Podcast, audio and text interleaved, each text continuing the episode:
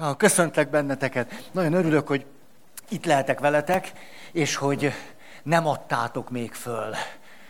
Mert ugye ez a harmadik alkalom, meghirdetünk mindenféle témákat, címeket, és sokszor még a címig se jutok el. Mert ugye így volt, mert múltkor az volt a cím, hogy végre megint élek és érzek. Hát nem tudom, hogy ebből mi szólt a múlt alkalommal kétségkívül önvizsgálatot kellett tartanom ezen a területen, hogy nem véletlen volt ez, de nem arról van szó, hogy csak kiírok oda valamit, az mit számít. Nem, nem, nem, hanem hogy ez a következő sémánk. A következő sémánknak a címe érzelmi gátoltság. De még nem jutottam el oda se, hogy egyáltalán az évnek a témáját el tudjam kezdeni mondani, mert arra gondoltam, hogy ahhoz, hogy megértsük, hogy mi is ez, hogy séma, az hogyan hat ránk, Mit kezd velünk? Mit, mit tudunk kezdeni vele? Hogy ezért érdemes egy picit lelassítanunk, és arról beszélni, és ezt próbáltam a múltkori alkalommal is, hogy nagyszerű dolog, hogy megvannak az élményeink és a tapasztalataink, igen ám, csak hogy az élményeink és a tapasztalataink itt és most, 20 évesen, 30 évesen, 40 évesen, 70, 80, 90 évesen is, ha találkoznak a sémáink világával, akkor nem azt érezzük, nem azt gondoljuk, nem azt éljük át a fizikai élményeinkkel, és nem azok az emlékek jutnak eszünkbe, amelyek akkor játszódnának le bennünk, hogyha normálisak lennénk. Most sarkosan mondtam, persze, hogy normálisak vagyunk, de ott sebzettek vagyunk. Ezért minden, amit mi azt mondjuk, hát na jó, hát de hát ezt éreztem, hát rögtön ezt gondoltam belőle, hát, hát ezt tapasztaltam, hát ez ismerős volt már nekem minden, hát pocsékul is vagyok, hogy ez az egész a sémáról szól, és nem az életről. Mondjuk így sarkosan, a sémáról, nem a valóságról, a sémáról, nem a realitásról, és mi hajlamosak vagyunk a kettőt összekeverni, és azt mondjuk, nem, nem, hát egyre jobban kiismerem én már az életet. Na, kár is szót vesztegetni rá. Valójában pedig a sémádban tájékozódsz egyre profibban. És ott már mindent jól ismersz, és az közben egy rettenetesen szűkös világ. Áj, egyél, drága. Tényleg. Jaj, tejet iszol? Nem. Nem ettél semmit. Gyanakodom, hogy van benned némi szindrómás segítő. Mert az a személy, aki ide jár, az már eleve gyanús. De, de úgy, hogy te ide jársz, és egész nap nem ettél semmit, és itt lopva eszel valamit, gyanakszom a kényszeres szindrómás segítőre. De, Na, jó, jó, jó. Feri, nem ezért vagy itt. Két perc alatt valakit belepiszkáljál az életébe, meg mit képzelsz te magadról? Most szerepet cseréltem, látjátok? Most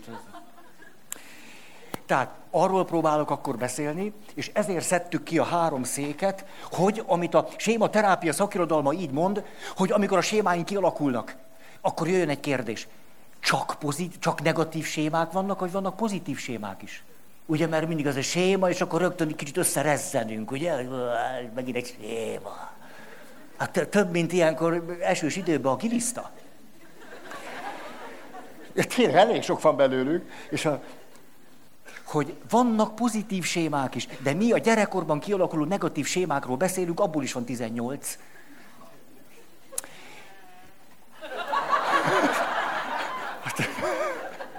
Ez, ez jó, ez jó. De most erről egy élményem jut eszembe. Na, te milyen szabad vagy, ez jó. Ez. Hát te fújjad, ki tudja, meddig fújhatod. Ez fújjad. Szóval tényleg milyen jó, nem most, hogy kifújod, és akkor Á, egy jó ember szakba bele tud szippantani, nem csak így szívogatod. Na, arról van szó, hogy ahogy a sématerápia szakirodalma ezt mondja, hogy az az élemény, tapasztalati érzés világ, ami bennünk lenyomatként ott él 40-50-70 évesen is, az nagyon pontosan tükrözi azt a világot, helyzetet, azt az élményt és tapasztalatot, amit gyerekkorban éltünk meg. Pontosan kifejezi. Akkor valaki úgy érzi, hogy képtelen vagyok az életre, úgy érzi, hogy engem mindig elhagynak és elárulnak, úgy érzi, hogy az élet iszonyatosan veszélyes hely. Jaj, a világ! Én semmire se vagyok alkalmas. Mit vártok tőlem? Na, ez egy séma. Szóval, nem is tudom. Valaki segítsen már nekem, egyedül olyan képtelennek érzem magam mindenre. Ez is egy séma. Jaj, de jó, hogy jössz. Ja. Ez is egy séma, hogy muszáj valakibe kapaszkodni, mert én magamban nem vagyok életképes és kompetens, de ha valaki van, akkor nincs is jobb dolog, mint egy kis függőség. Szóval, amikor 40 évesen átélek ilyesmit, újból és újból, az hordozza azt a szubjektív realitást, hogy amikor én azt megéltem, reálisan éltem azt meg. Mert pici csecsemőként, itt a háromszék csecsemőkor, ötipális korszak és serdülőkor. Három fontos korszak, ezzel dolgozunk most. És a jelenre gyakorolt hatását nézzük. Jelen tapasztalataira, megoldásaira gyakorolt hatást. Hogy tehát maga az élmény reális, a hozzáfűződő értelmezésem azonban nagyon-nagyon nagy valószínűséggel téves. Csak hogy a kettő bennem együtt működik. És én itt vagyok akkor 40-50 évesen, emlékeztek a helyzet az, hogy a férfi megcsalja a feleségét. Vagy a feleség megcsalja a férjét. Ma már értitek, bárki bárkit megcsal. Hogy ebben a helyzetben akkor mit fogok megélni, ez sem lesz ugyanaz, miközben a helyzet ugyanaz, az élet drámaisága ugyanaz, az, ami ezt neveztem sakmatnak, ugye egyszer csak valaki, aki addig azt mondta, te vagy az igazi, vagy holtomiglan, holtadiglan, egyszer csak hm, ezt sakmatnak neveztem. És az a kérdés, hogy mit élek meg itt, de főleg pedig mit gondolok, mit élek meg, mit gondolok, és aztán mit fogok csinálni. És hogy itt mit, élek meg 30 évesen, meg 60 évesen, az múlik azon, hogy itt miket éltem meg, hogy mit gondolok magamról, rólad a kapcsolatról, az múlik azon, hogy itt milyen következtetésekre jutottam, vagy később hova jutottam a gondolataimban, és hogy itt mit fogok csinálni ezzel a helyzettel, az nagyon múlik azon, hogy itt mit tudtam magammal vagy veled kezdeni. Ezt az összefüggést szeretném megmutogatni nektek, és amikor ebben úgy nagyjából végeztünk, tehát az ön december körül, van, eh, hülyéskedek, na, nem?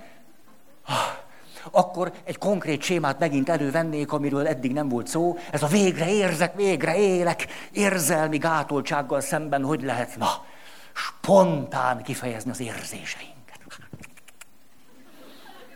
Úgyhogy nem lesz tele a gatyám, hogy megszégyenülök, vagy hogy majd megvettek, vagy azt mondjátok, hogy na, el, mi, na jó van. Egyszer voltam itt, az is sok volt egy ilyen, egy éretlen hülyét kellett még hallgatni. Kár, hogy bennülök tök középen. Ekkora ökör, hogy lehetek. És akkor ez egy fontos élettapasztalat lesz, hogy első alkalommal mindig a szélére kell ülni. Bárhova is megyek, attól kezdete, hogy gyanús mindenki a szélén ül, megnézlek benneteket. Milyen attitűddel jöttetek ti ide. Tehát akkor erről beszélünk, és kettőt néztünk meg. Ha, Kezd melegem lenni. De komolyan? Neki vetkőzök. Tudom azért kicsit máshogy is csinálni, de most nem érzem azt, hogy ennek itt lenne a helye.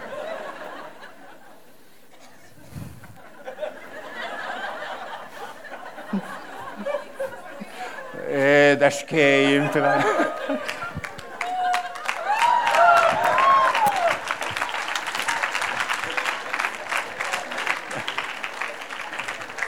Ezt kaptam ajándékba nyáron.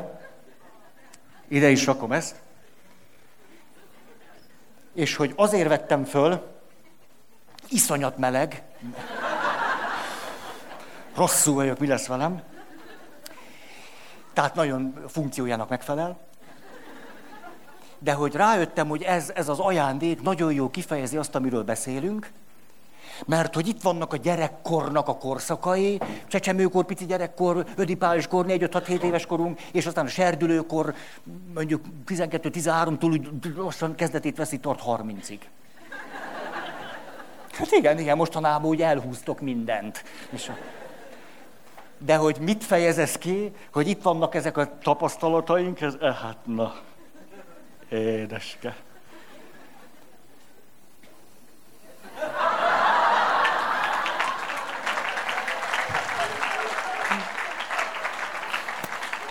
Csak közben 50 éves vagyok. És hogy ennél jobban nem tudom megmutatni azt, hogy a sémáinkat pontosan ugyanígy vagyunk. Hogy egyébként, most hogyha most lenne alatta még egy póló, és akkor most elkezdeném ezt cserégetni, de nincs. Tehát most nem, ezt, ezt nem akarom. De, de mikor jól vagyunk, és éppen az az élethelyzet, az a kapcsolat, az a pillanat, amiben vagyunk, nem hívja előlünk be a sémát, akkor az ötvenes van elől, akkor egy 50 éves felnőtt férfi vagyok, és lehet velem teljesen normálisan, és a tapasztalataim nagyon valósághűek. A realitáshoz igazodnak, és jól tudok alkalmazkodni, és nagyon hatékonyan tudok cselekedni, és ez szuper jó. De hogyha történik egyetlen mondat, egy szempillantás, a szempillantásnak az elmaradása, az még durvább, mert vártam azt a szempillantást, és nem, mert az orrodat fújtad, ugye? Rám pillantottál volna. Akkor elmarad az a szempillantás, egyszer csak aktív, eleven lesz bennem a séma, és megfordul rajtam a trikó, és már ez van elől. És már ez alapján érzek, gondolkozok, emlékezek, fizikai állapotom, már ez van. És itt valahogy el, el, elvész ez az ötvenes. Hát nem is látom, tényleg nem látom. Nem látom. És azért dolgozunk, hogy amikor egyszer csak valahogy itt vagyunk, 50 évesen, 40-30 valami, amikor az élet ad egy mattot, hogy akkor képes legyek elég szabadnak lenni, hogy ezt a trikót meg tudjam fordítani. És azt mondja, úgy szeretnék élni, az 50 legyen elől. És ha persze a gyerekkoromat, meg minden összes tapasztalatomat hozom magam, azt meg nem tagadom. De hogy tudok ezzel előrefelé él, élni, előrefelé cselekedni. Mert különben, ha így vagyok, hmm, ez akkor a témánk, hogy ez milyen meleg, meg ő, meg, meg. Soha ilyet, és tehát, hogy csak értetek csinálom. Nem tudom, hogy megéri-e. Az első, innen beszéltünk, hogy persze, amit mondok, tudom én, hogy egy, egy picit leegyszerűsítő, kicsit sematikus, tudom. Nem azért mondom, hogy most akkor ez pont így van, hanem azért, hogy valamit megértsünk általa. Valami világosabb legyen. És aztán mindenki árnyalhatja a tudását remek könyvekből csecsemőkor, magzatikor, első néhány életév. Ennek a tapasztalata hogyan lesz eleven bennünk akkor, amikor mattot ad az élet, mondjuk abban a formában, hogy hűtlen lesz a társam. Ugye két dolgot mondtunk. Az egyik a bizalomra vonatkozik. Ha jól vagyok a bizalommal, a bizalmam... Hm. Elnézést. Még egy, még egy megjegyzés. Tudjátok, mint amikor a pszichiáternek azt mondja a betege, hogy doktor úr, mielőtt elkezdenék beszélni, mondanék valamit. Most, most, jött, most érkeztem el ide. Hát és mielőtt elkezdeném ezt mondani, mondanék valamit. Ez a... És elfelejtettem, az a baj. Olyan, mint hogy a szét letnék csúszva, de nem. Csak... Igen, visszajövök ide, mert itt még tudtam. Tényleg. Hogy a bizalom, és a bizalom megvan. Hát vissza kell tenni. Hogy, hogy, de ilyenkor szoktam megint elfelejteni, tudod. De tényleg vissza is kell mennem megint. És lehet, hogy innen kéne mondanom, nem? Ezt most, és mert tanulhatnék a tapasztalatom, odaállok, ott nem tudom, itt meg tudom.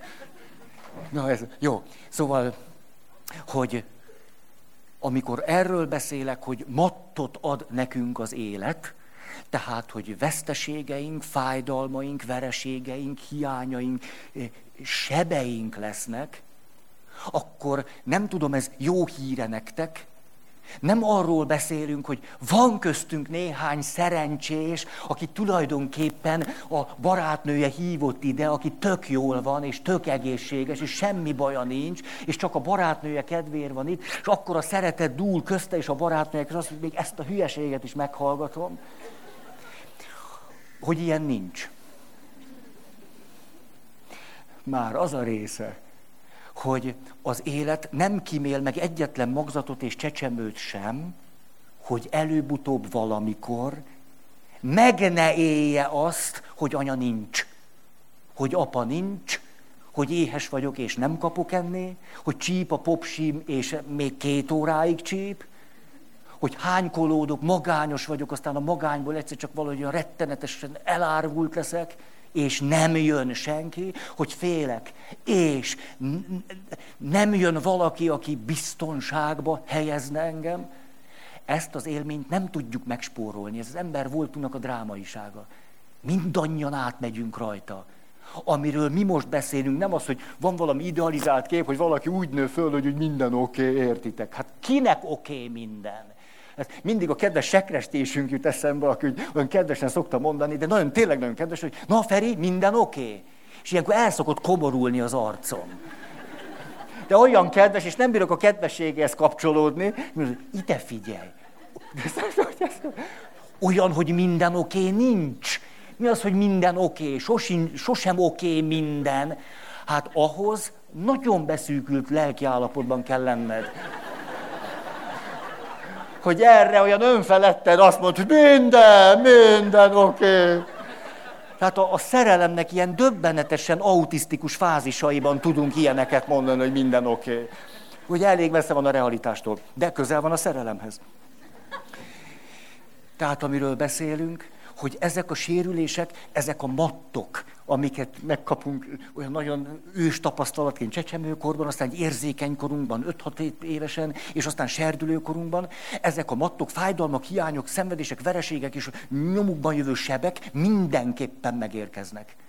Nem ez a kérdés, hogy el lehet-e kerülni, hogy te tudsz-e annyira egy zseniális jó anya lenni, hogy te érted, érted, te úgy, úgy, úgy. Hogy tudnál már olyan lenni? Ugye, jó, ezt most ezt a vonalat nem akarom folytatni. De tényleg, hát ez a... Ez a... Oké. Okay. Tehát a sérülés mindenképp megtörténik. Ami az izgalmas az, hogy amikor a jelenben ér engem valami fájdalom, kapom a mattot, hogy akkor milyen tapasztalataim lesznek arra vonatkozóan, hogy kaptam már mattot az élettől.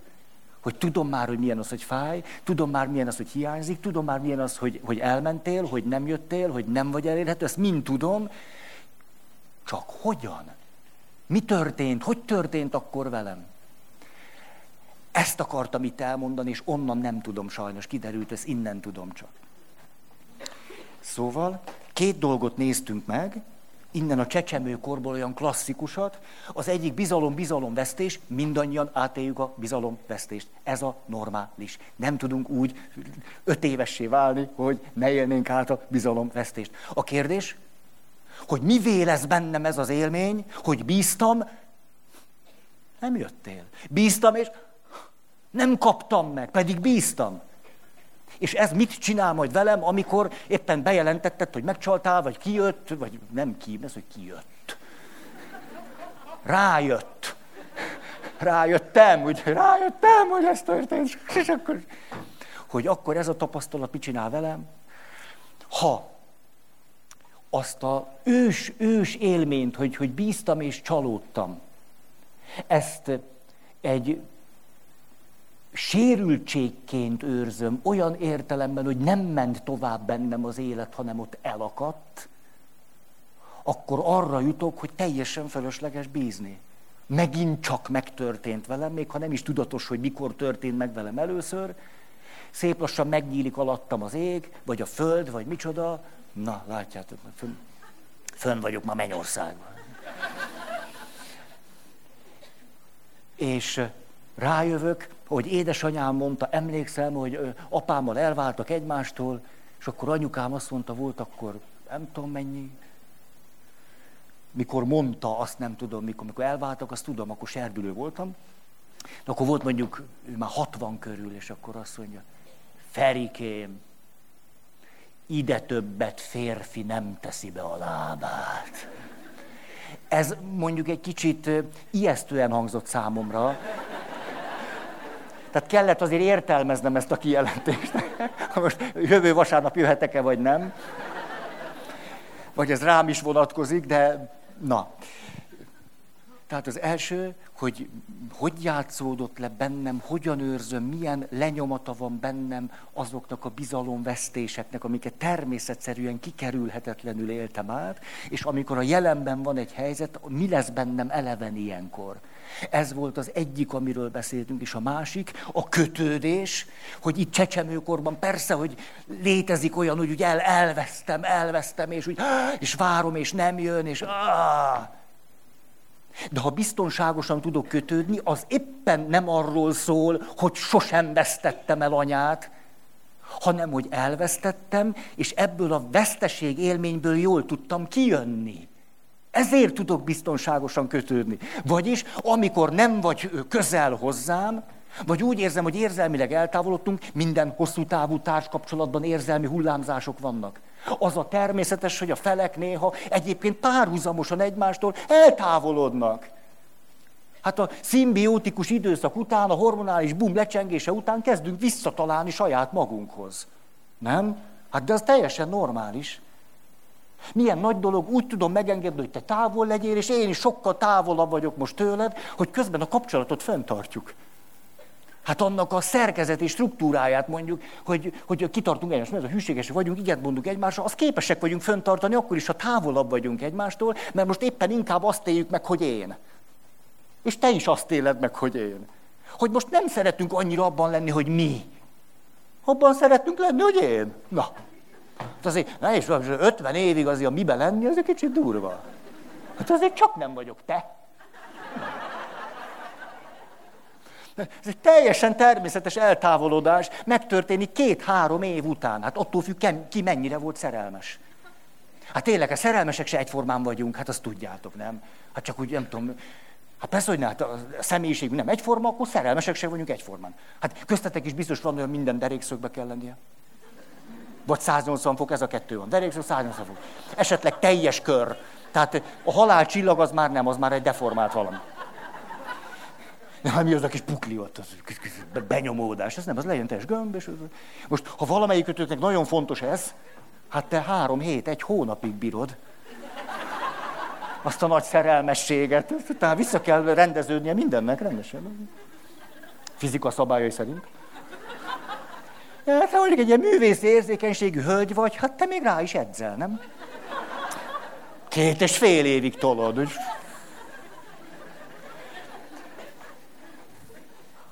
Szóval itt átéljük azt, hogy kötődtünk valakihez, tartozok valakihez, és valaki tartozik hozzám, és megvan az alapélménye, hogy egymáshoz tartozni, az alapélménye, hogy van olyan, hogy én meg te, és van olyan, hogy mi, és mind a kettőben szabadon jövünk, megyünk, ezért a távolság és a közelség is elfogadható, a távolságtól nem félek, a közelség nem ijesztő nekem, ja, van akinek a közelség az ijesztő, Aha. sérülés, és amikor itt az történik, hogy te azt mondod, hogy hát én szerelmes vagyok a Brünnhildába, nagyon. Akkor én azt élem meg joggal, hogy te érzelmileg nagyon távol vagy tőlem, nem? Most a többiről ne is beszéljünk. Most az a kérdés, ezek kaptam egy mattot az élettől. Ugye én érzelmileg ott vagyok nálad, de te nem vagy nálam érzelmileg. És a helyzet általában egyre rosszabb lesz, mert ugye most ki fogok készülni. Hát na, na, érted, most mondtad meg, hogy te ne haragudj. A Brünnhilda nagyobb cupp az éjszakában. Hát ettől aztán értitek, nem csak, hogy padlót fogok, a padló is kimegy alólam. Hát eddig azt hittem legalább, hogy na, vagy a padlót, vagy a cuppot, vagy valamit hittem azért. És akkor ez sincs. Ezért én elkezdek még rosszabbul lenni kialakul egy döbbenetes egyenlőtlenség, ugye? Mert Brünnhilda éppen, értitek? Én meg egyre rosszabbul vagyok, mert most derült ki, hogy, hogy, hogy ilyenkor ezek az eredeti alaptapasztalataim a kötődésről mit kezdenek el bennem diktálni, milyen világ elevenedik föl bennem. Hogy beledöglök, de közben meg az van bennem, hogy hogy lehetne, hogy lehetne valahogy ebből jól kijönni. Hogy iszonyú nehéz helyzetben vagyunk. Tehát, hogy mi ketten Egy rettenetes, nehéz helyzetben vagyunk. Utána elmegy ez a gondolat, és legszívesebben megfojtanálak. Tehát ez rendben van ez a hullámzás, de hogy elérhető számomra előbb-utóbb az a gondolat, hogy hogy tehetnénk valamit mi ezért a kapcsolat. Mi érti? Na, érti? Tetszenek érteni. Ha itt megtörténik egy másfajta élmény, megvan a, a kapcsolatvesztés, tárgyvesztés, nem tudok biztonságosan kötődni. Itt azt mondom, se te nem vagy oké, akkor úristen, szavak tolulnak az ajkamra, amelyek egy pap szájából egyszerűen nem elfogadhatók. Tehát akkor mentálhigiéni szakemberként fogom őket elmondani. Hát képzeljétek ide, tehát a, a fő üzenet az, hogy te nem vagy oké. Okay. És most akkor, hogy mondjam, na. Hát azért a másik üzenet, hogy én nem vagyok oké, okay, ugye, mert először egy pillanatra föllángolt a haragom irántad, és utána rögtön magamba zuhantam. És azóta zokogok, hogy egy nulla lettem, hogy most végképp kiderült, hogy tényleg nem lehet szeretni. És összezuhanok, és azt mondom, hogy ennek a kapcsolatnak vége. Most már akkor nyilvánvaló, hogy vége. Hát mi, mi következhetne ezután? De itt, hogyha valaki megtanulta, mit jelent az, hogy egy kötődés vesztésből aztán egyszer csak megint van folytatás, akkor itt nem csak az a gondolatom lehet, hogy akkor innen már nincs tovább. Tehát nagy különbségeket élünk meg ugyanabban a helyzetben. Ez a kettő volt idáig, és gyerünk, gyerünk, harmadik. Ez a harmadik ide is tartozik, de nagyon szívesen ide is hozom, tehát valahogy a kettő közül ez már 4-5-6-7 éves korunk. Ez pedig az, hogy hát átéljük a rendkívüliségünket, nem? Hát, hát én kis babaként, hát rendkívüli vagyok. Hát ez tutiság. Hát senki úgy nem szeret engem, mint anya. Hát éjszaka háromszor föl kell hozzám. Na, na, hát apához se kell föl háromszor. Te milyen régóta nem kell már föl háromszor. Egyszer sem, aztán meg háromszor. Te rendkívüli vagyok. Tényleg nökkenek, nyugkanok, és látom, hogy hát a szemébe látom, hogy rendkívüli vagyok. Na, hát hogy rám néz, örül neki, hogy vagyok.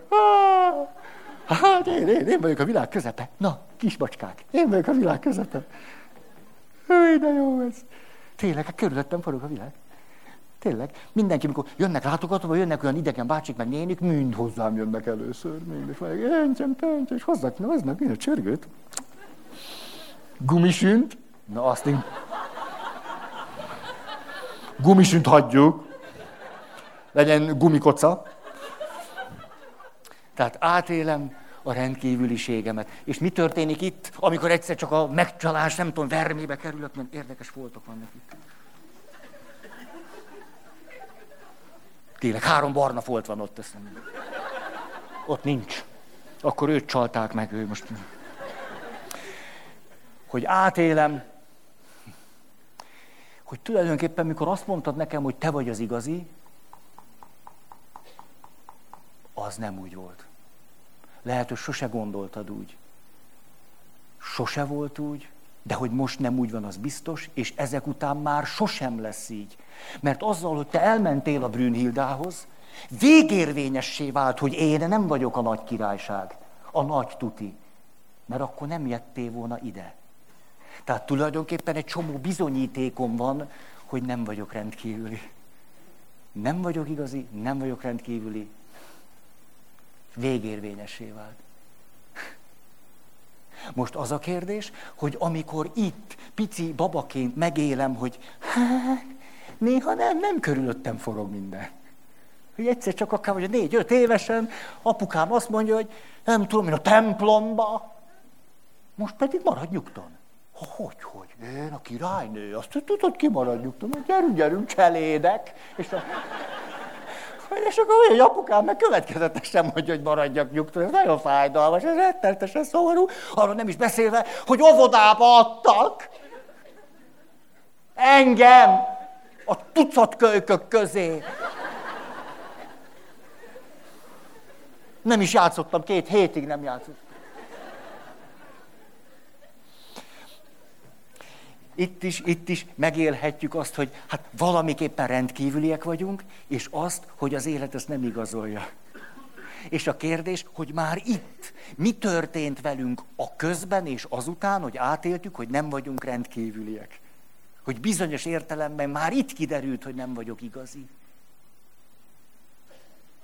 Hogy oviba adható vagyok. Most a bölcsiről ne is beszéljünk, érted? Bölcsibe adható vagyok. Vadidegenek közé. Hogy mi történik itt. Mert ami itt történik, és ahogy átélem, az meg fog jelenni itt, amikor kiderül, hogy nem vagyok az igazi. Valamilyen összefüggésben értitek, ugye?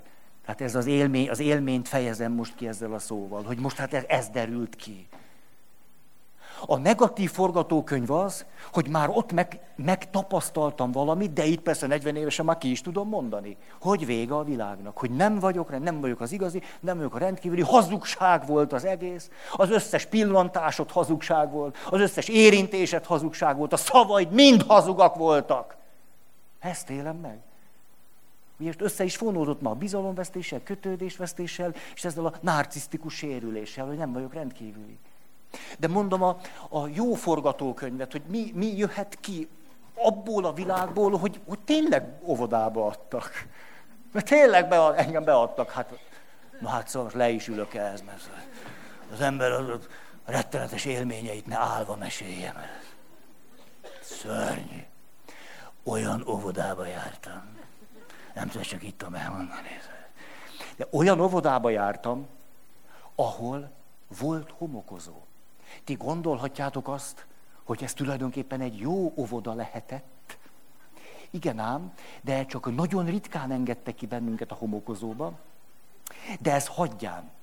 Képzeljétek el, hogy polcok voltak az óvoda falára csavarozva, és ezeken a polcokon játékvödrök, színes műanyag lapátok feküdtek ami tulajdonképpen ahhoz képest, hogy muszáj volt csendes pihenőben megpróbálni aludni, némi gyógyírt hoztak.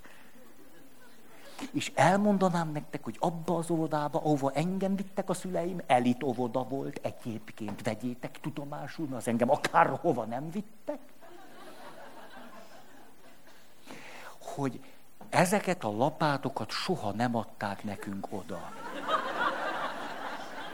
Soha.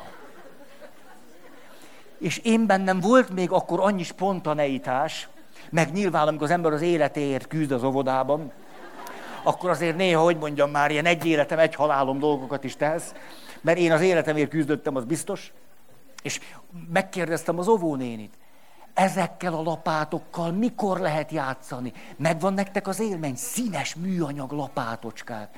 Én az, hát, de most megvan, látom az alakját, a formáját, és, és az a vágy, hogy, hogy valamelyikkel egyszer homokozhatnék. És az óvónő kihúzta magát, azt mondja, ezek díszlapák. Ezt nevezzük narcisztikus sérülésnek. Hát amikor egy lapátra nem vagyok jó. Hát annyit nem érek, hogy egy rohadt műanyag lapátot egy év óvodaságom alatt odaadnának nekem. Azt nem. Most ez a kérdés, hogy ha? akkor itt, hogy most mondom, ott van a, negatív, itt a pozitív. Azt mondom, hogy kétségkívül nem vagyok rendkívüli. Azt erre sose gondoltam, de hát tulajdonképpen, tulajdonképpen most, ha realitásban ülök, belenézek a tükörbe, Hát, két fül. Az milyen? Két szem. Hát, mi bennem a rendkívüli? Hát az a realitás, hogy nincs bennünk semmi rendkívüli. Egyediek vagyunk, kétségkívül, rendkívüliek. Teljesen meg tudok békélni azzal, hogy nem vagyok rendkívüli. Te rájövök, hogy nem is kell, hogy rendkívüli legyek. Hát nagyon szép az élet, úgyhogy nem vagyok rendkívüli. Annyira maradandó benne, most át nem tudom, hova kéne mennem. Azért tessék, hogy belaktam a színpadot, és nem maradt nekem hely. Látjátok, ez mindig megtörténik velem. Előbb-utóbb kiszorulok az életből. Hogy, hogy azt mondja nekem egy kedves, na, majdnem mondtam ki, hát sekrestés, hogy jó, mert azért tényleg már több, többre is gondolhattok, hogy eláruljam, hogy ki volt. És valahogy mondtam egy beszédet, hogy, hogy, hogy hát Isten gyermekei vagyunk. Ez egy vasárnapi alkalom volt, mert nem csak úgy beszéltem az utcán, hanem hogy meg volt a kerete. És mondtam, hogy hát értitek, hogy, hogy Isten értem, és rám néz, és azt mondja, szeretlek, és hát, hát, hát rendkívüli, rendkívül. És akkor elmondtam ezt a beszédet, mentem le, értitek, hogy na, na, na, ez így kell, ez az, ez az. Jó, csináld! Na. És így miközben a sekrestjébe így tuningoltam magam, rám nézett ez a sekrestés úr, hölgy, úr, látjátok, hogy, hogy az így, hogy, hogy a diszkréciót hogy csinálom. Nem. És azt mondja, Feri. Így kezdtem, már éreztem, hogy baj van. Te tudod, hogy a legtöbb ember középszerű? Ugye nagyon ilyenkor még ugye a saját beszédem hatása alatt voltam kétségkívül. Hát rögtön az ezer érvem volt arra nézve, hogy ez miért nincs így. De a következő kép folytatta. Ide figyelj, Feri. A legtöbb ember középszerű és jól csinálja.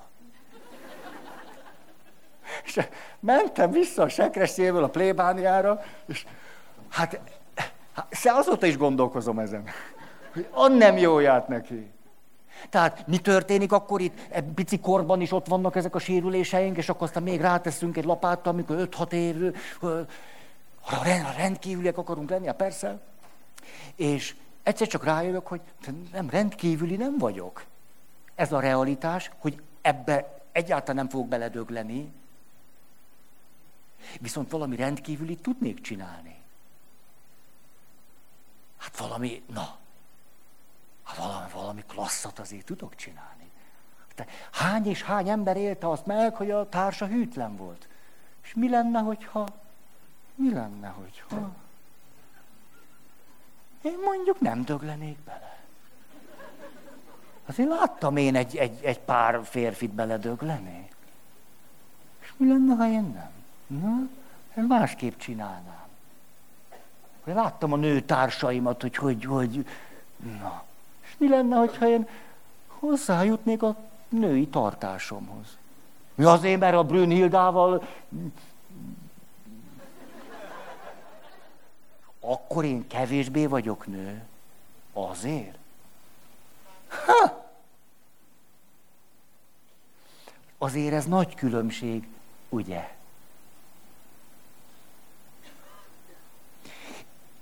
Oké. Okay. Mert igen, ez nem, nem kellett volna. Most visz ide ülök, itt vagyok akkor 5-6 éves kor, 7 éves, kinek hogy, na, hogy mondjam, nem centivel mérik mi ennek a korszaknak ebből a helyzetből a nagy jelentősége. Hát, hogy itt vagyok 5-6 éves kisfiúként, oviba adtak, ez rettenetesen, rettenetesen, rettenetesen nehezményezem, mert hogy nem lehetek a szerelmemmel. Anya. Ezt nem, nem is nagyon értem. Hát, hogy hát anya a, a tuti. Hát az anya a tuti. Hát most, hát most a, a Mariskában nem fog beleszeretni, megint bepisilt. Hát a Rozikának az óvónő fújja ki az orrát, a Katinka meg nem bírja bekötni a cipőjét. Hát ne is haragudjatok, az én nekem jobb választásom van. És ráadásul esélyem is van. Kifejezetten van egy csomó élményem, hogy nem vagyok esélytelen. Egy csomószor. Jó, jó, most egy picit kibírom. Egy, vala, egy valami lelkesít, hogy addig se apával van. Mert apa is elmegy dolgozóba, tehát nem, nem csúszok én le anyáról. Nem, és tulajdonképpen értem, szokott jönni négykor, apa még akkor sehol nincs. Tehát akkor van, van két óránk együtt. Azért hazamegy, és akkor vásárolunk. És annyira jól tudom mondani, hogy gumimacit akarok, és akkor lesz is gumimaci. Tudok ráhatni, na, szóval... Igen. Nem tudom, mi ez a anya szemében néha, a felnőttek biztos azt mondanák, hogy kicsi bűntudat, nem, ez jó az nekem. Jó, jó, az akkor ki lehet ezt azt hozni belőle. A, arról beszélek, hogy ebben a korszakban az a természetes, hogy, hogy már most a vágyunk, a szerelmességünk, ahogy egy öt éves gyerek szerelmes tud lenni, az elsősorban az anyukája felé irány, ugye, ő, ő meg, ő, és közben ugye már kitágult annyira a világ, hogy apa a konkurencia. Hát valahogy őt kellene lekardozni. Valahogy. Most azért a csillók háborúját nagyon szeretem, mert ott látom, egyszer csak egy ruha marad belőle. Ez nem is rossz. Igen ám, de mi az az élmény, ami általában megtörténik, és itt persze teszek zárójelbe, és hogy tulajdonképpen nem is jó, hogyha nem történik meg. Ez az, hogy ráhajtok anyára, és pofára esek. Mert egyszer szóba is hoztam, hogy anya, anya, nagy leszek, elveszlek. És akkor az anyukám tovább főzte a paprikás krumplit, azt mondja, ma apád már megtette.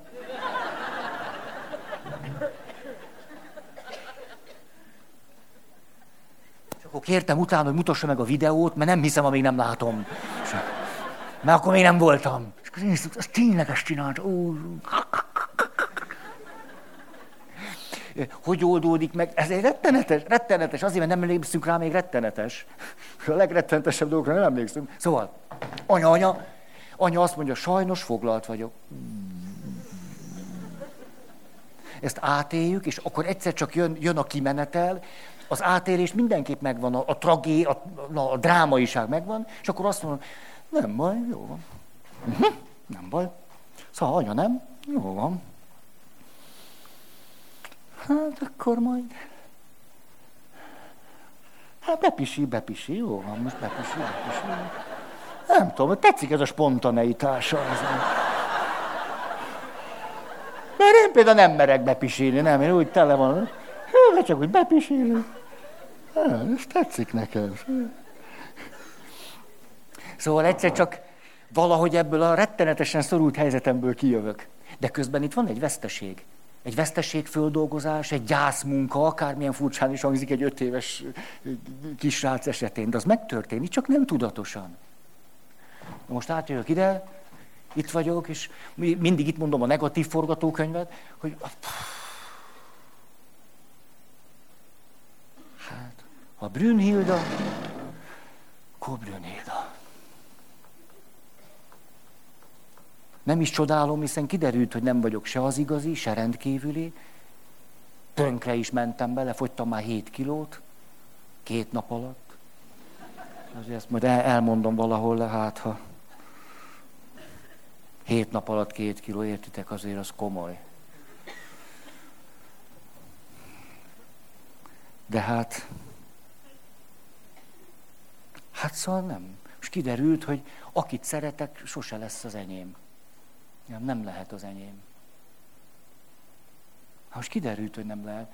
Hát a, annál biztosabbnak lenni, mint hogy, hogy szerelmesek voltunk egymásba, és azt mondtuk, hogy holtomigla, holtodiglan, és hát ennél, ennél biztosabbat nem tudtam elképzelni. De most kiderült, hogy, hogy ez is kevés. Hogy nem az enyém.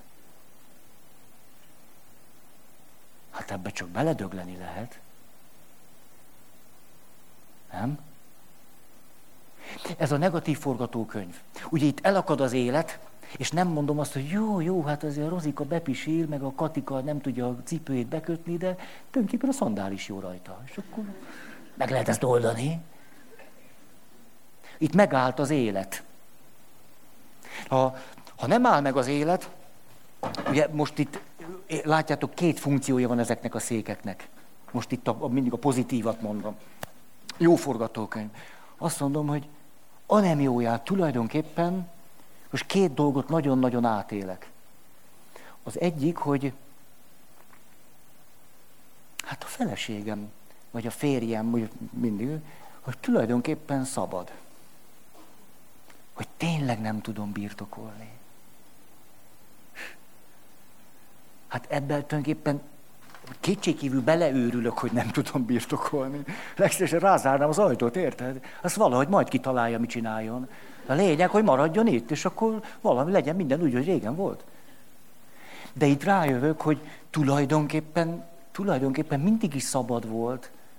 Hát emlékszem, a pap is ezt kérdezte, szabad elhatározás, jöttél ide? Hát. Azért ez a szertartás, hogy púpa hátamra most szabad hát azt mondta szabadon. Hát akkor.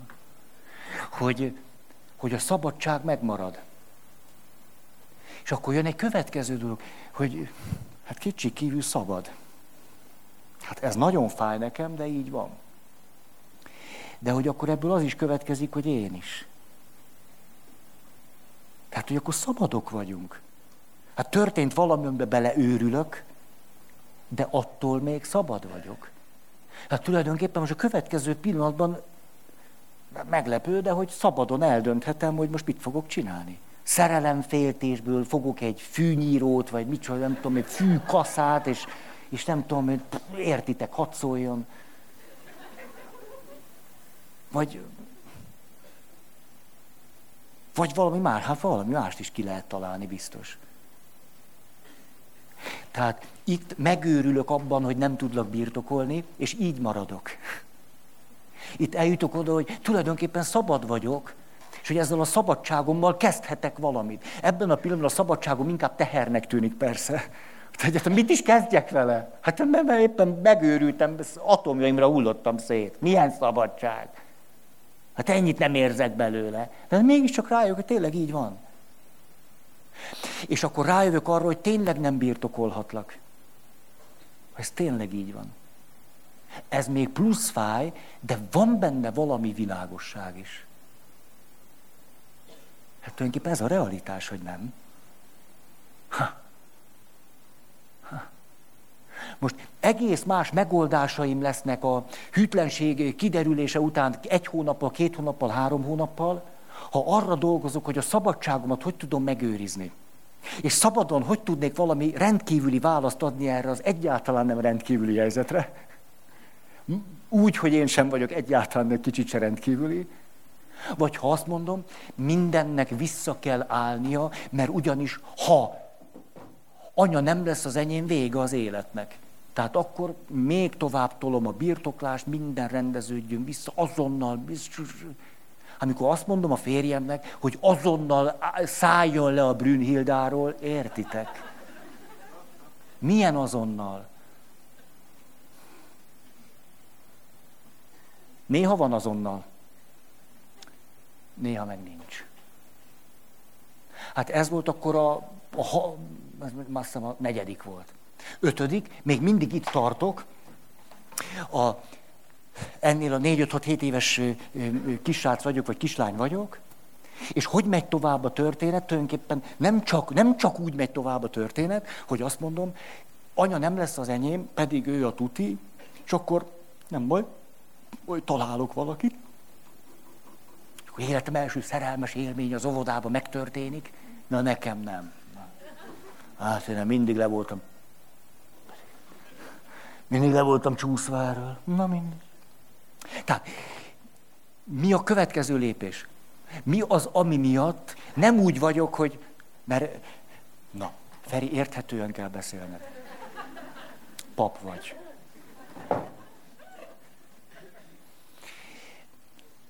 Az előbb arról beszéltünk, hogy kiderült, hogy anya nem engem választ. És ebbe itt belepusztultam. Akármit csinálok, ez már így van, láttam az esküvői videót utálom. Megnézem, mint valami traumafilmet újból és újból. Tényleg volt egy, olyan édes volt az a kisfiú, egész pici volt, és leforrázta magát. Volt egy nyári tábor, és ott csetlet botlott, egy egész picike kis kölyök volt, és közelebbi találkozásba került a bográcsba lévő 99 fokos paprikás krumplival nagy mentő helikopter vitte el. És akkor éveken keresztül újból és újból a szüleinek minden este el kellett mondani, hogy hogy volt az nyáron, amikor a bográcsot főztük, és tudod, nem is láttuk, hogy pontosan hol vagy, de azt gondoltuk, hogy nem fog semmi bajod esni, és akkor egyszer csak azt láttuk, hogy kiabált, és akkor oda rohantunk, és láttuk, hogy nagy baj van, de akkor apának rögtön eszébe jutott, gyorsan kell hívni a mentőt, és hívta is, akkor nagyon izgultunk, érted? És emlékszel, akkor anya ölbe vett, és akkor emlékszel, hogy akkor jöttek a mentők, emlékszel, milyen izgalmas volt, hogy egy picit te is abba a sírást, és nézted a mentő, akkor a mentőbe fogtuk a kezed emlékszem, akkor elmegyünk a kórházba, és akkor ott tudod, akkor elaludtál, és akkor aludtál sokat, és akkor mi ébren voltunk, de te aludtál, és Na, minden este, nem hetekig, és nem hónapokig, évekig. Na szóval, nézem, ahogy apa elveszi anyát. Ez tulajdonképpen egy kudarccal záródó történet, nem? Képzeljetek el egy romantikus filmet, ami azzal fejeződik be, hogy rohanok, rohanok, rohanok, és pont akkor érek oda, tudjátok hány és hány ilyen film van, szaladok fel a lépcsőn, mert megpróbálom megakadályozni, és akkor kinyitom az ajtót, és már megvan a forgatókönyv, azt kiálltam, hogy nem én vagyok az igazi! Akkor látom, hogy éppen megfordul a pár, és fölcsendül a kivonuló zene. Ez történik itten. Tehát tulajdonképpen egy kutarccal végződik a helyzet. Igen ám. De a fordulatot az hozza, hogy egyszer csak azt mondom, hát ha kis vakarcsként próbálnám a bepisilő rozikát valahogy magamhoz édesgetni, az kudarcos. Hát mi lenne, hogy tulajdonképpen sose gondoltam, hogy ez jut eszembe, mert eddig anyára fókuszáltam, de most azt jut eszembe, hogy tulajdonképpen apám elég nagy király. Értitek? Szóval ő neki jött össze. Hát eddig mondjuk a gyűlölet volt az erősebb bennem, hogy apám ezt így, így betóta nekem, de, na de végül is az apám. Kinek az apja? Na, ki? Ez a nagy király. Ő a világ legjobb nőjét elvette? Na? Na? Csak az én apám. És egyszer csak megjelenik egy váratlan fordulat, elkezd fölül emelni az, hogy a szenvedés és fájdalom és vereség és veszteség, és én vagyok a hülye gyerek, hogy majd apa meg én. Akkor bemegyek a fürdőszobába, apukám borotválkozik, azt apa adja nekem is. Borotva, Apukám persze nem ad borotvát, értitek? Úgy néztetek rám, mint hogy persze, hogy nem ad borotvát. Az én apám. Nem. Apám ennél sokkal okosabb. Ügyesen oldja meg, fésű.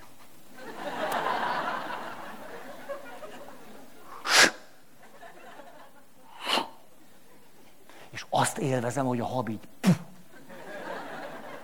Ilyen egy férfi. Ugye? Vagyis az élet megy tovább, és én valahogy magamra találok, mégpedig azáltal, hogy azt mondom, kimondva kimondatlanul, leszek akkora nagy király, mint apám. Olyan. És akkor oda megyek ez a Rozihoz, na, hogy volt az a pisilés? Te kicsi. Majd én. Ki, ki gúnyolt ki téged itt? Melyik volt az? Ki mondta, hogy pisilős? Jöjjön ide.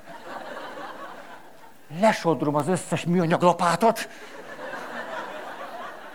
mint Arnold Schwarzenegger betározok. Rozier, hülye vagy? Ez egy sokkal élettel telibb kimenetel, nem? Mint hogy ülök és azt mondom, hogy na nekem végem lett öt évesen. És itt akkor mondom a pozitív fordulatot, lapát nem lesz benne, hogy akkor azt élem meg, hogy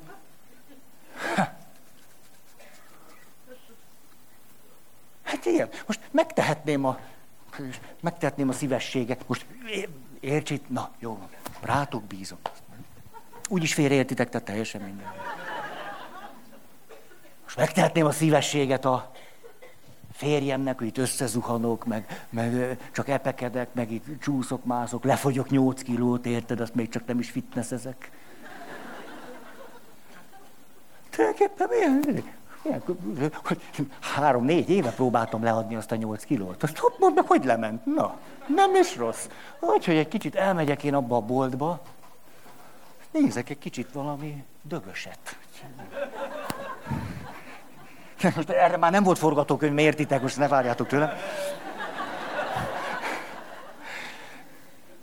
Szóval egyszer csak, miután tudom, hogy rájöttem, hogy nem vagyok rendkívüli, ugye összekötöm az előző, ez kétségkívül így van, de azért valami, azért tudok olyat csinálni, az én, én nem, az, se macséte, se fűnyíró, se fűkasza, Tulajdonképpen, na,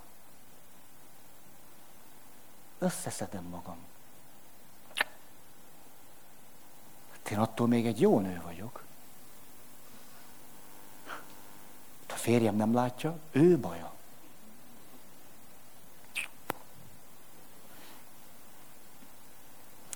A jó forgatókönyv az, hogy itt megtanulom azt, hogy nem a vereséggel és a veszteséggel van vége a történetnek, hanem azzal, hogy egyszer csak azt mondom, hogy igen, olyan leszek majd, mint apám. És ezért nekem egy olyan jó nőm lesz, mint anya.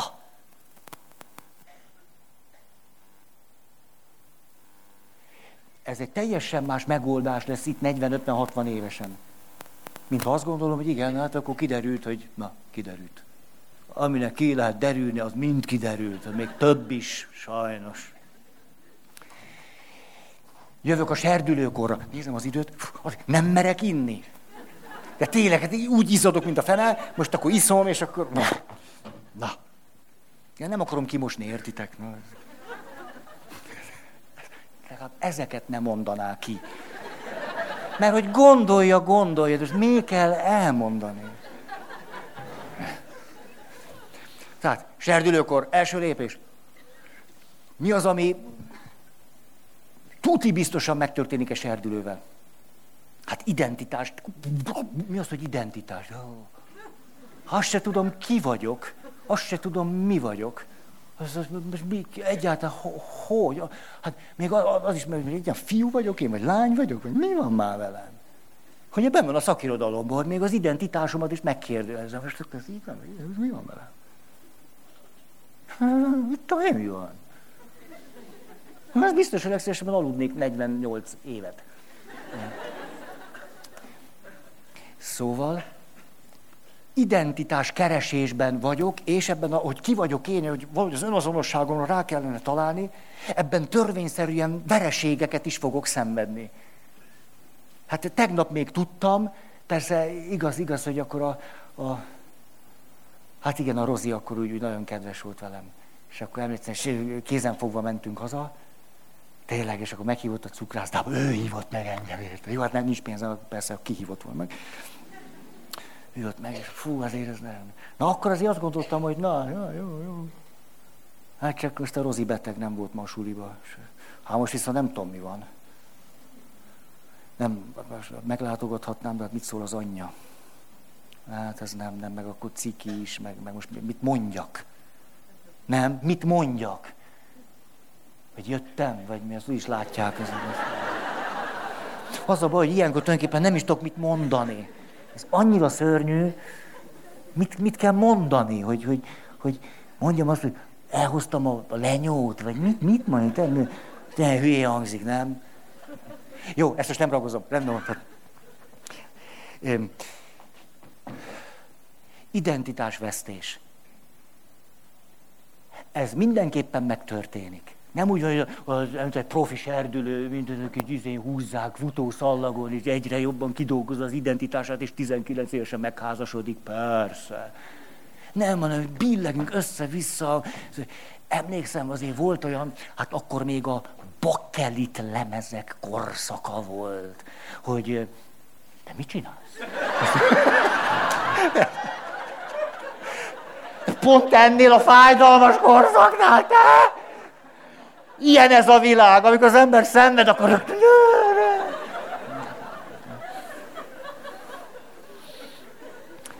És tényleg úgy volt, hogy vége volt a sulinak, nem sokat jártam oda, de azért vége volt. Hazamentem, és akkor elkezdtem fölrakni a bakelit lemezeket. Hát nem egymás tetejére, hanem fölraktam, végighallgattam, ugye mit tudom én, hogy van, egy oldal volt a 23 perc, Tényleg, de rég gondoltam erre. Akkor megfordítottam 23 perc, meg én, az 46 perc, de a, a két fordítás között sötét szoba, lehúzott redőny, és ennyi. Akkor lement a lemez, pú, raktam fel a következőt. Csináltatok ilyet? Na, léci már, ne legyetek annyira normálisak. Már idegenül érzem magam köztetek. Hova kerültem? Tehát az identitás nem találása, az identitás vesztése egy természetes tapasztalatunk lesz itt. Nem úgy van, hogy a jók jó, csinálják, a rosszak meg elvesztik, mert mindenki elveszti, mindenki elbizonytalanodik, és a többi. Most mondom a, a negatív forgatókönyvet. Ugye az identitás vesztésnél azt élem át, hogy tulajdonképpen senki vagyok. Ugye most, most kiderült, hogy megcsatlakozott, ki már fél éve tart. Még csak nem is vettem észre. Akkor tényleg egy hülye vagyok. Tehát nem csak az fáj, hogy, hogy ez történt, hogy ennyire hülye vagyok. Hát akkor, hát most hogy kilőttem magamat a nagy semmibe. Hát akkor nem is látok, akkor nem is hallok. Hát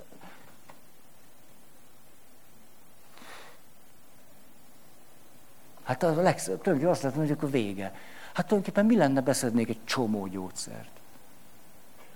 Hát miért ne szednék be? Hát úgyis egy senki vagyok, egy nulla vagyok, úgyse számítok. Hát kiderült, hogy nem számítok. Hát tudhatta, hogy fog fájni. Azt mégis megcsináltok. Jöjjön a C-vitamin. Beszedek ötvenet, úgy beszedek, hogy megakad az ötven, így egyszerű. Legyen C-vitamin, az, az, az, az egy fricska az életnek, értitek, hogy másnak az élet, nekem meg a pusztulat. Az. Mi a pozitív fordulat, ami itt megtörténhet? Akkor visszaülök ide. Mi az, hogy egy serdülő azt mondja, hogy azt se tudom, ki vagyok, azt se tudom, mit csináljak magam. Mit csináljak magammal? Mi az, hogy magammal? Nincs is magam, értitek? Hát még csinálni csinálok, csak, csak ki az, aki csinál valamit? Közöm sincs. Két dolog segít egy serdülőnek ebben az identitás vesztésben, nem találásban, semmiségben. Hát az, hogy azt mondja, jó, hát tulajdonképpen én, én tényleg gőzöm sincs, hogy ki vagyok, de azért vannak haverjaim. Hát haverok. A haverok a lövöldetérről, na. Hát azért csak van egy bandánk, érted? Na gyere! Jocikám, gyere már. Gyere. Na, azért, azért csak nem vagyok egyedül. Ha, azért mi szoktunk ám bandázni, érted? Azért tegelünk ám. Az, az, azért. Ja, a buszon. Persze, azt, jó, jó, kicsit mondjuk, néha kicsit hasítottuk is ám. Jó, azt, azt, azt mondjuk nem, nem érdem, de Tengével fölhasítottuk. Együtt. Azt leugrottunk érte. Most itt lehet egy pozitív világ is, hogy együtt megyünk, mi egy sportklubhoz tartozunk, és együtt toljuk, és azt se tudom, ki vagyok. Na, de az négyszer százas váltó. Értitek? A Jocival, meg a Petivel, ott toljuk. Na, én, én a hosszú egyenest én futom, mert én bírom. Azt, hogy ki vagyok, nem tudom, de hosszú egyenest... Mi az, ami a serdülőt kihúzza abból a nagy bajból, hogy azt se tudja ki? Hát az, hogy vannak haverok, és úgy ez egy picit már könnyebb. Hogy, hogy együtt nem tudjuk, kik vagyunk, ugye? És erre iszunk is. Így azért nem annyira elviselhetetlen. Hát, van a kortárcsoport. És a másik, ami kihúz a bajból, hogy megint egy, egy vesztes belefújjadjak, fújjadjak, na, na, na, na, se lapát, se nyelv, na, jó, na. Belefulladjak ebbe, hogy egy lúzer vagyok. Hát az, hogy azért, de most magamról mondom ezt, de általában úgy is tudjátok, hogy semmi, nem, nem, sajnos ugyanaz a történetem, tehát nem tudom, most kitalálhatnék valamit, csak nem igaz. Hogy rávettem anyukámat hogy fizessünk elő a képes sportra. Én atléta voltam, képes sport, és a képes sportnak a közepén, tudjátok, gémkapocsal, két gémkapocsal van összefogva a képes sport, és a közepén nagyon finoman, kiemelhetően úgy, hogy aztán a kis lyukaknál tulajdonképpen vissza lehet tömködni a papírt. Az nem tűnik el. És akkor ki lehet ragasztani az olimpiai bajnokokat. Az én falam tele volt sűrűsödő olimpiai bajnokok képeivel. Igen, ott, ott, ott sűrűsödtek, és mi az, ami a serdülőt kihúzza a bajból, hogy ő egyébként egy nulla, egy senki, ha egyáltalán tudná, hogy ki? Hát, hogy azért a, azért a példaképek. Az igaz, hogy senki vagyok, na de érted azért a cselaci. Na, és azért úszni én is tudok. A Katinka. Na, meg a sajt buresz. Az, azt én is be tudom tolni. Szóval a másik, ami kisegít, hogy elkezdek azonosulni a példaképeimmel. Miért ne lehetnék olyan? És ez egyszer csak valami izgalmas dolgot hoz, mert itt és most gőzöm sincs, hogy mi van velem, azt se tudom, ki vagyok. Egyébként a csecsemőkorban is átéltem azt, hogy nem érdemes a szükségleteimet késleltetni, mert ha kap eszi, ha kap eszi. Tehát vagy megeszem most, ami, ami van, vagy a holnap az bizonytalan. És itt egyszer csak van, van egy távlatom, és azt mondom serdülőként, hogy hú, hát azért azt belátom, hogy kell még azért néhány évet lemennem az úsziba. A csassziba, a sporiba. Na, azért csak azért oda kell raknom magam. Egyszer csak itt semmi távlatom nincs, azt se tudom, ki vagyok. Itt meg egyszer csak lesz egy távlat.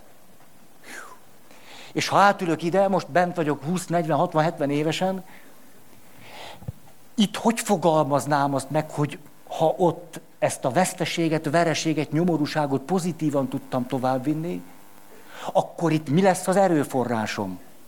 Az, hogy példakép, és az, hogy kortárscsoport, egy nem én központú megoldás. Mert ugyanis pont az a bajom, hogy nem tudom, hogy ki vagyok én. Azt mondom, hát van-e nekem olyan kapaszkodóm, ami túlmutat rajtam? Ami nem azért kapaszkodó, mert hogy úgy kezdődik a mondat, hogy én. Rögtön két dolog jut eszembe. Egyrészt vannak sorstársaim. Hát például rögtön elmegyek az összes testvéremhez, és akkor megbeszéljük, hogy ki, kit hogyan csalt meg. Sose gondoltam, hogy ez lesz a téma, de hogyan sem megtörtént, megtörtént. Ki hogy bírta ki. Egyszer csak már az jól esik, hogy kiderült, hogy más is volt így. Nem tudom, nem vagyok kárörvendő, de ez jól esik. Hogy másnak is fájt. És most egyszer csak kezdem más színben föl tűnve látni azt, hogy nem vagyok rendkívüli, de jó. Aj, de jó. Én velem szúrt csak ennyire ki az élet. Ja, hát akkor jó, csak kapok egy kicsit levegőt. És a másik, a példaképpel való azonosulás szempontjából pedig megint csak arról van szó, hogy az nem egy én központú válasz.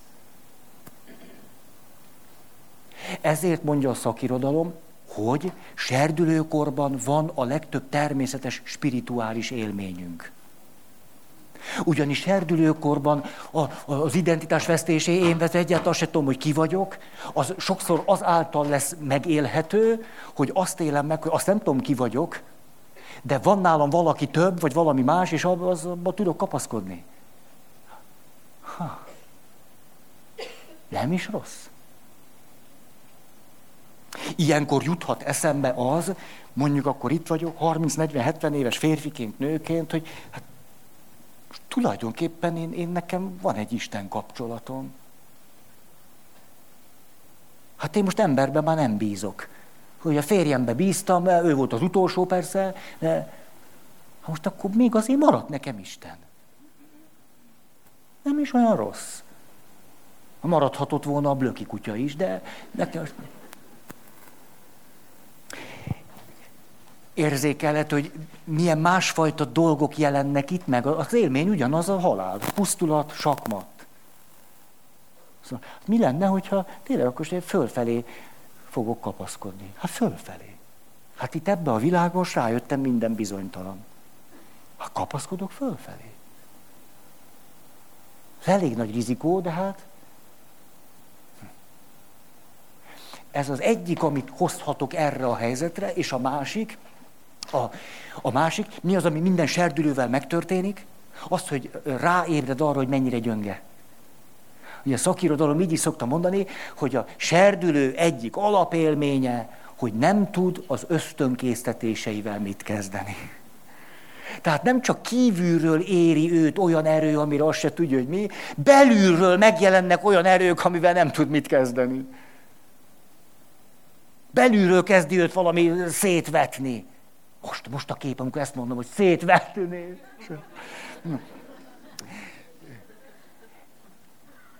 Ezt megint egy nagy veszteségnek, vereségnek, hiánynak élhetjük meg. Nem, nem, nem, nem tudom magamat kontrollálni. Nem tudom magamat kordában tartani. Nem bírok uralkodni magamon. És tudjátok, ezért mondja a szakirodalom azt, hogy ez serdülő korban az ösztön késztetéseink, ahogy föltolulnak, és erősebbnek bizonyulnak, mint mi, hiszen az énünk éppen, hogy nagyon gyönge, ki fogja kordában tartani azt a, azt a áramlást. Akkor két klasszikus megoldásunk van, az egyik az aszkézis, akkor semmit. A másik meg, hogy Hát a kísértés legyőzésének legbiztosabb módja, hogy nem állunk ellen. Így a kísértések megszűnnek, mert mindegyiket megéltük, akkor ez már... Ezt úgy hívják, hogy serdülőkori hedonizmus. Tényleg, az akkor iszik, cigizik, minden. Nem azért egyébként, mert annyira jól esik neki a cigi, hanem egy gyönge. És akkor hogy szóljon? Ha úgyse bírna, mert valahol úgy is elbuknék. Na, mi történik itt? Itt átélem a saját gyöngeségemet. Hát mikor valaki kap egy mattot az élettől, olyan tudattalan tartalmak fognak feltolulni, azt se gondoltam, hogy ez bennem van. Hogy gyilkos ösztönök vannak bennem. Hogy arra gondolok, hogy, hogy az egész világnak kikürtölöm, hogy te micsoda, egy rohadék vagy. De az anyáddal kezdem, aki úgy ajnároz még mindig? Te! Az anyád lesz az első, akinek elmondom. Egy dupla nyereség. Többet nem jön, és azt még... azt élem itt meg, mint nagyon hasonló, mint az, hogy nem is gondoltam, hogy, hogy ennyire kiszolgáltatott vagyok idebent. Hogy tulajdonképpen most már, most már lefogytam 12 kilót, most már azért ennék, mert úgy 7 kiló fogyásnál vettem egy tök jó cuccot, de most az már lötyög rajtam, így meg már nem, nem mondj, nem mondj, szóval, na, hát az 5 kiló mínusz, az már értitek. Tehát az már úgy nem. Hol van a mellem? Mondjuk.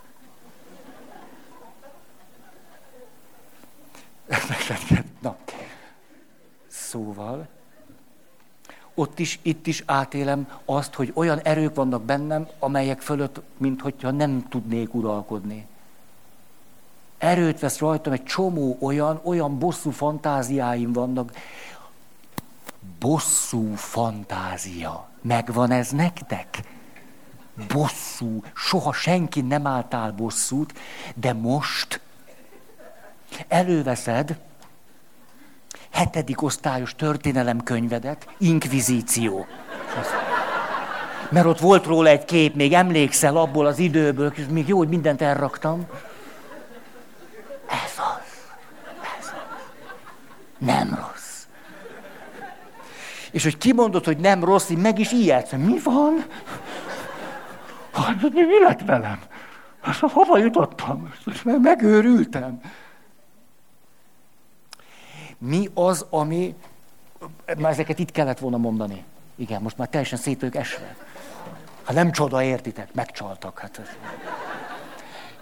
Mi az a... Egészségedre. Tehát mi van ott veletek? Ez, ez, ez... Ott van, kinevezik, a kórterem ott van.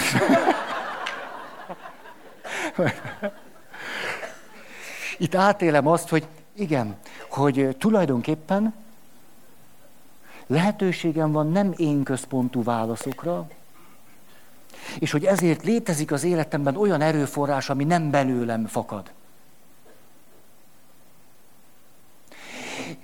És ami a legizgalmasabb, hogy rájövök, hogy én tulajdonképpen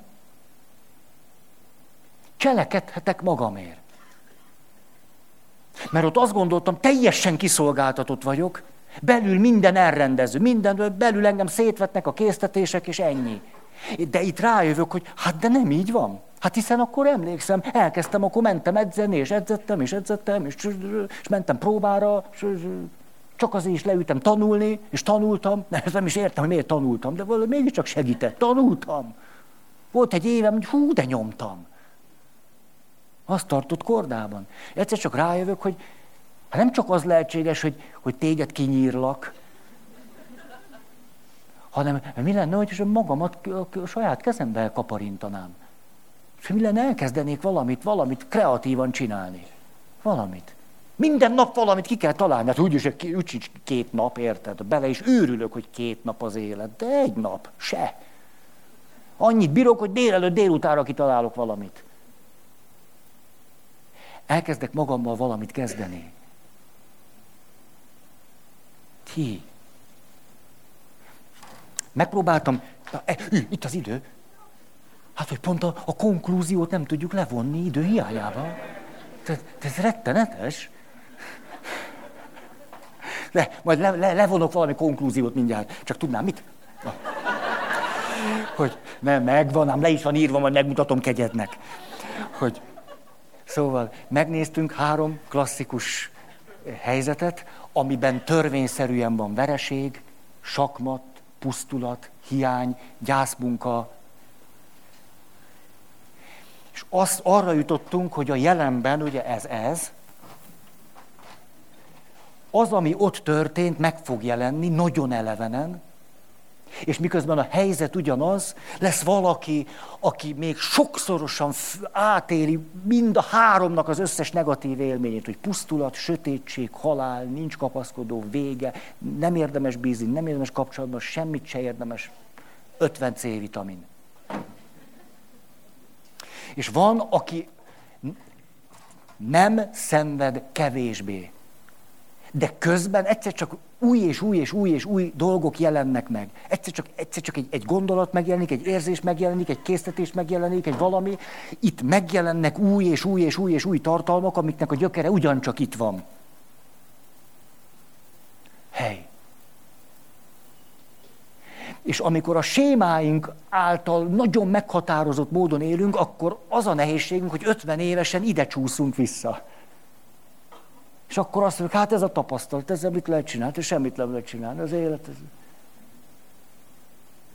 De közben most már felnőttként, ez persze akkor egy tudatos erőfeszítés, átülhetek ide. Tök melós lesz. Iszonyú melós. Tehát egyszerűbbnek tűnik venni egy, hogy mondjam, C-vitamin. Most nem erre gondoltam, picit a saját erőmre rátaláltam, és arra gondoltam mondjuk egy hat lövetű. Ez egyszerűbbnek tűnik, de nem ezt csinálom. És akkor most jön a konklúzió. Ezért, ha valaki azt mondja, hogy hát én a tapasztalataim alapján élek, ugye hát a tapasztalataimra, hát, hát mi, mi másra érted? Hát azt élem meg, hogy pusztulat, hát akkor most az, hogy mondjam, nem ajánlanám senkinek, hogy a tapasztalatai alapján éljen. Ne. Mert kiderült, hogy jaj, jaj, jaj, a következő lépést így fogalmaznám meg, hogy akkor már inkább mondjuk azt, nem a tapasztalataink alapján érdemes élni, hanem a tapasztalataink megértése alapján. Mert amikor megtesszük a következő lépést, hogy igen, azt tapasztalom, hogy halál és hullaszag, de utána megpróbálom megérteni, hogy, hogy miért is, és hogy is, egész más helyzetbe fogok kerülni. Tehát ahova eljutottam, és innen folytatnám legközelebb, hogy mit jelent az, hogy már nem csak a tapasztalataim alapján élek, főleg nem a séma tapasztalataim alapján, érzések, gondolatok, fizikai állapotok, emlékek, hanem elkezdek a tapasztalataim megértése alapján élni. Tehát a tapasztalatokat elfogadjuk, megbecsüljük, értékesnek látjuk, mert az a mi élettörténetünk, csak nem az alapján élek, hanem a megértésük alapján. Uh, melyikkel fejezzem be? Ezzel, vagy ezzel? Nem tudom, majd így állok. Köszönöm.